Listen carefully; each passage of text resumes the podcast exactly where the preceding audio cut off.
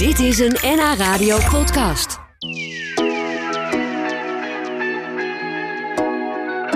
Ik ga praten met Grace Enser uit Laren. Ze was arts, maar hing haar witte jas aan de kapstok om het onderwijs in te gaan.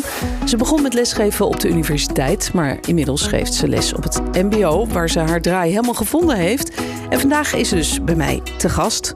Ondanks de storm ben jij gewoon gekomen. Heel Ja. fijn. Leuk dat je er bent, Grace. Dankjewel. Um, jij werkte dus als arts. Waar werkte je en, en wat voor arts was jij? Uh, uiteindelijk heb ik uh, gewerkt als specialist ouderengeneeskunde.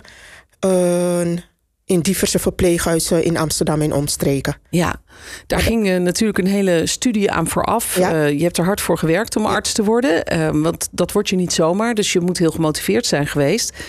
Maar toch besloot je op een gegeven moment om het roer om te gooien en les te gaan geven van de zorg naar het onderwijs.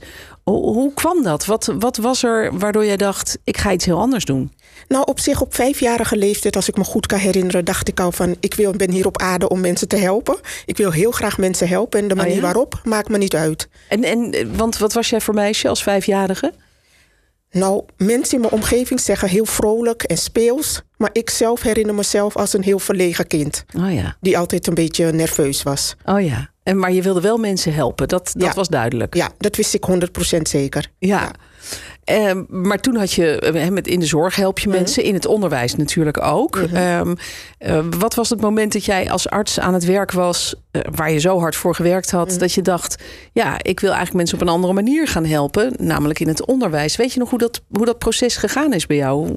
Nou, ik Of, herinner of me- dat moment? Ja, ik herinner me nog heel goed dat als ik als arts werkte, dat ik het erg leuk vond om uitleg te geven aan verpleegkundigen. Aha. En toen was er een collega die gaf aan van, als je wil zou je op de universiteit les kunnen geven aan medisch studenten. En op zich vond ik dat heel erg spannend, maar ik dacht laat ik die stap toch maar wagen. Dus toen heb ik, eh, of die sprong toch maar wagen, heb ik het toch maar eh, geprobeerd. Ja, en, en waarom vond je het spannend? Want eh, je, je vertelde net dat je als meisje van vijf nogal verlegen was. Eh, Dat was jij misschien nog steeds. Was dat het? Waardoor je dacht, oh, durf ik dat wel voor een groep studenten staan? Ja, kijk, op zich, ik denk dat ik wel de neiging heb om een beetje op de achtergrond te blijven. En eh, ik heb het altijd eng gevonden om voor groepen te spreken. Dus dat was de grootste drempel. Ja, dat snap ik, ja. Dus eh, het is wel bijzonder dat je eigenlijk juist omdat je dus zo verlegen was... dat je nooit had gedacht van nou, dat ga ik doen. En toch ben je het gaan doen. Hoe, hoe was dat toen? Weet je dat nog? De, de, de eerste keer bijvoorbeeld dat je voor zo'n grote groep stond? Nou, op zich, ik weet nog wel dat ik eh, het eerste jaar maar ongeveer drie uren per week les gaf en daarnaast mijn artswerkzaamheden had. En ik heb denk ik een jaar lang slechter van geslapen.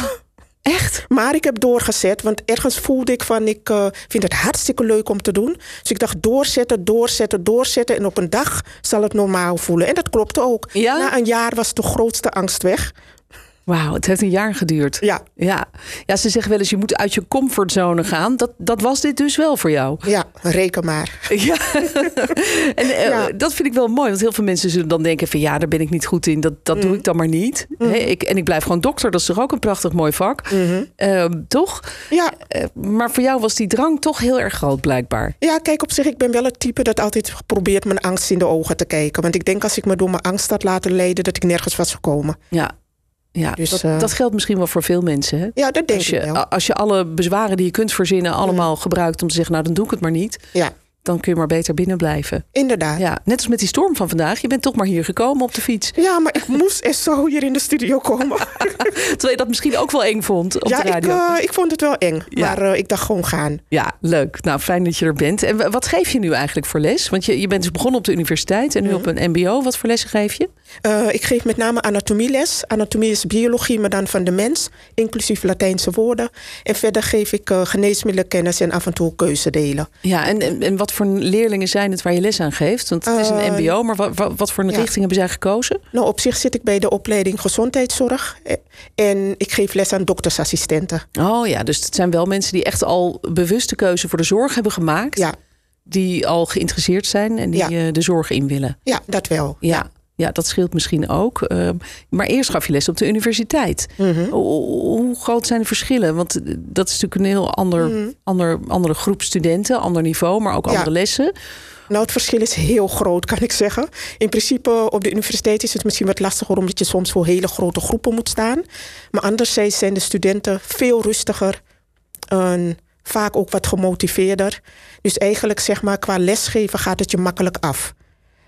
Op het MBO heb ik gemerkt dat je veel meer jezelf moet laten zien omdat de studenten, vind ik dan, dat is mijn ervaring, veel dichter bij hun gevoel staan. En je daar ook mee confronteren. Oh ja? Hoe, dus hoe werkt dat dan? Nou, bijvoorbeeld een voorbeeld. Uh, een van mijn studenten werkt uh, in een supermarkt. En die zie ik regelmatig in het weekend. En op zich vind ik best wel dat ik me leuk kleed. Hè?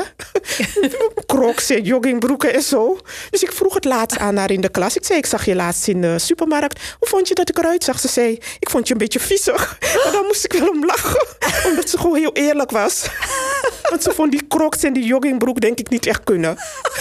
Ze vond het een beetje een huispak. Inderdaad, dat denk ik wel. Ja. nou, wel heel eerlijk inderdaad. En de student had misschien het sociaal gewenste antwoord gegeven. En gezegd van, nou, hele mooie crocs. Ja. Leuke joggingbroek. Inderdaad, ja. Ze zijn meer uh, sociaal aangepast over het algemeen, vind ja, ik. Ja. Ja, dat is het verschil eigenlijk. Ja. Eh, maar dat betekent dat je bij die MBO-studenten dus veel dichter bij hun gevoel ook gaat zitten. Inderdaad, maar ook dichter bij je eigen gevoel. En bij je eigen gevoel. Ja, ja. want ze hebben alles door. Ja, wat kunnen die twee van elkaar leren eigenlijk? De studenten van de universiteit en de studenten van het MBO? Uh, ze kunnen zeker van elkaar leren. In die zin dat de studenten van de universiteit, denk ik, meer.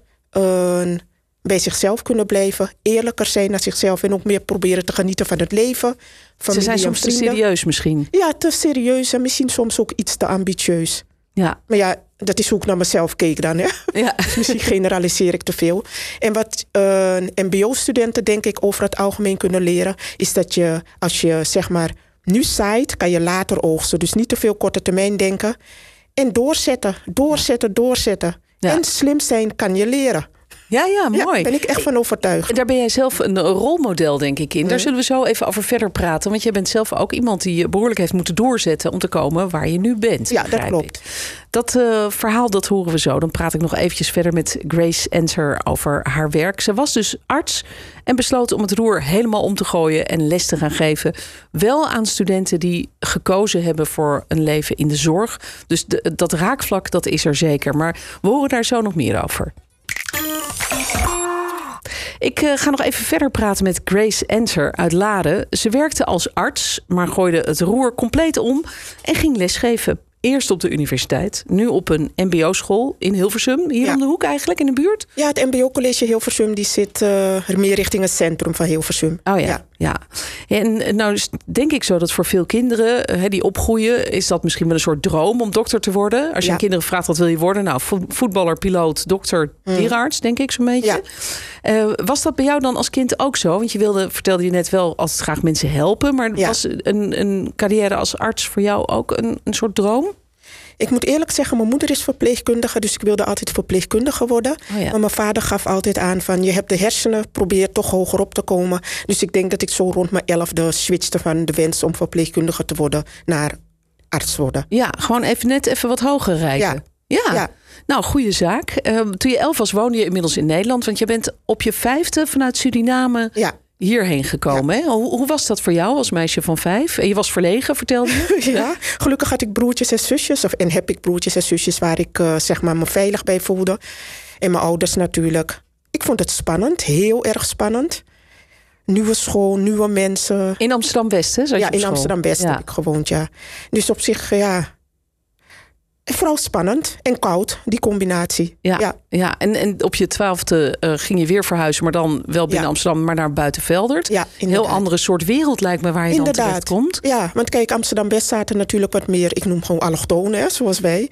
Maar uh, in Buitenveldert waren we denk ik een van de weinige gekleurde gezinnen. Ja, ja. En, was prima, ik had daar geen last van. Nee, heb je daar geen problemen mee gehad? Nee, ik moet zeggen, ik heb nooit, ook naar andere mensen toe, maar ook naar mezelf toe, heb ik nooit gekeken naar mijn kleur of mijn geslacht of wat dan ook. Nee. Ik denk gewoon van, ik ben een van de velen. Ik ben Grace. Ja. en, ik ben, en ik ben dokter aan het worden, maar dat ging niet helemaal zo makkelijk als je mm. uh, het nu vertelt. Want uh, je, hebt, uh, je bent een, een zogenoemde stapelaar, want jij kreeg een laag schooladvies, ook al ja. was je altijd heel hard aan het werk. Ja. Want jouw vader, die, die zat je goed achter de vodden, toch? Mm. Ja. Ja. maar je kreeg toch een vrij laag schooladvies, namelijk mm. om naar de MAVO te gaan. Hoe, hoe kwam dat eigenlijk, denk je? Want je was slim genoeg. Ik heb geen idee. Misschien was het meer in die tijd dat ze mensen de indruk hadden van. Uh, Misschien is het beter als ze eerst lager begint en dan hoger op gaat. Ik heb geen Ja. idee. Oh, misschien ook omdat je wat verlegen meisje Ja, dat was. dat je misschien niet Ja. uit de verf kwam. Ja, dat zou heel goed kunnen. Ja, ja. eh, maar uiteindelijk ging je via de MAVO naar de HAVO, naar het VWO... en uiteindelijk dus naar de universiteit om geneeskunde te studeren. Waren je ouders niet enorm trots? Die dus allebei zelf ook in, de, in die wereld Ja, mijn ouders waren heel erg trots. Ook al moet ik zeggen, wat ik heb gedaan is... eh, ik kreeg MAVO-advies, maar ik had mijn CITO-toets heel goed gemaakt. Dus toen mocht ik toch naar een school waar ze ook HAVO en VWO hadden. En toen kon ik toch gelijk door naar het VWO. Maar ik moet eerlijk zeggen, het ging wel elk jaar weer met de hakken over de sloot. Dat wel, dat Ja. moet ik wel eerlijk zeggen. Ja. Ik vond het erg moeilijk. Ja, Maar het is me gelukt. Ik heb gewoon keihard gewerkt en doorgezet. ja, en dat is misschien waarom jij toch ook een soort rolmodel bent nu voor jouw studenten op het, Mm. eh, op het eh, MBO. Eh, dat je laat zien dat je gewoon heel hard gewerkt hebt en, en nooit hebt opgegeven. Ja, maar dat geef ik nu ook aan aan mijn studenten. Sommige studenten willen inderdaad arts worden. Dan zeg ik letterlijk tegen ze van... ik ben ervan overtuigd dat je het kan, maar... st- eerst de eerste stap zetten. Zorg dat je eerst je mbo 4 diploma haalt. En dan ga je verder. Ja. Niet te ver vooruit kijken, stap voor stap. Ja. Jij werkte in de ouderenzorg hè, Ja. als eh, verpleeghuisarts, in, eh, in, onder andere in Amsterdam. Zijn er dingen die jij vanuit dat werk hebt meegenomen naar het onderwijs? Dingen waarmee je nu die leerlingen weer verder kunt helpen? Ehm, meer in de zin van dat mensen die natuurlijk wat ouder zijn en de dood in de ogen kijken, die zijn zich vaak veel bewuster van verschillende zaken en die weten ook wat belangrijk is in hun leven. Dus van hun, van die mensen heb ik wel meegenomen van geniet van het leven, geniet van je familie, geniet van je vrienden en doe wel altijd je best, maar werk is niet alles. Nee, dat is Dat een is- heel belangrijke les. Ja. en dat geef je ook eh, mee aan die, eh, aan die leerlingen van je. Wat, Ja. wat- wat ben jij voor lerares eigenlijk? Hoe zien ze jou, denk je? Ja. Behalve dat je een beetje viezig in je joggingbroek in de supermarkt loopt in het weekend. Ja, ik, eh, ze zien me als heel streng, erg duidelijk en maar wel heel liefdevol uiteindelijk. En in het begin zijn ze ook altijd wel een beetje bang voor mij. Ja, Maar dat maar- komt omdat ik ontzettend strak ben. Ja, maar dat is misschien ook wel goed, toch? Eerst even heel van- strak houden en dan de teugels laten vieren. Ik ben van mening dat pubers het nodig hebben. Ja. hey, en eh, als er geen telefoontjes meer in de, in de les mogen, ben jij daar blij mee? Wat we gisteren hoorden? Ik ben daar een heel groot voorstander van. Ja? Ja, want ik zit nu ook in het docententeam bij de opleiding doktersassistenten, dus op het MBO College Hilversum, waar we daar heel veel aandacht aan besteden. Want die mobieltjes die leiden af, klaar. Ja. Maar nu is het ook zo dat als je ze toestaat om op hun mobieltje te zitten, maken ze zo, als ze de kans zouden krijgen, zelfs selfies met die lipjes vooruit en getuit. Ja, een selfie in de. Duckface. Dus ik zeg gewoon van, eh, die mobieltjes leiden je af. Ze leiden tot niets. Nou, dus dat is een, eh, een goede zaak. Eh, tot slot, je, je vertelde over je ouders. Jouw vader heeft je altijd gestimuleerd om hoger te reiken. Eh, je, je bent arts geworden. Ja. Zij waren natuurlijk super trots. Mhm. Wat vinden zij ervan dat jij uiteindelijk toch je witte jas weer hebt uitgedaan en in het onderwijs bent gaan werken? Dat is natuurlijk ook een heel nobel vak. Maar wat Ja. vinden zij daarvan? Ja, kijk, op zich, ik, eh, ik heb daar nooit echt een duidelijk antwoord op gekregen. Ik heb wel het idee dat mijn ouders altijd het willen dat ik gelukkig ben. En dat ik doe wat ik leuk vind. Ja, dat doe je nu. Ja, en dat Ja. doe ik nu. Nou, heel mooi. Mooi verhaal. Dankjewel dat je daarvoor even door de storm naar ons toe bent komen fietsen. Grace Ensor hoorde je hier bij NH Radio. En zij is dus eh, docent op het mbo hier in Hilversum. Ja, En heel veel succes met alles. oké, dankjewel voor deze kans. Dit was een NH Radio podcast. Voor meer, ga naar nhradio.nl. Radio.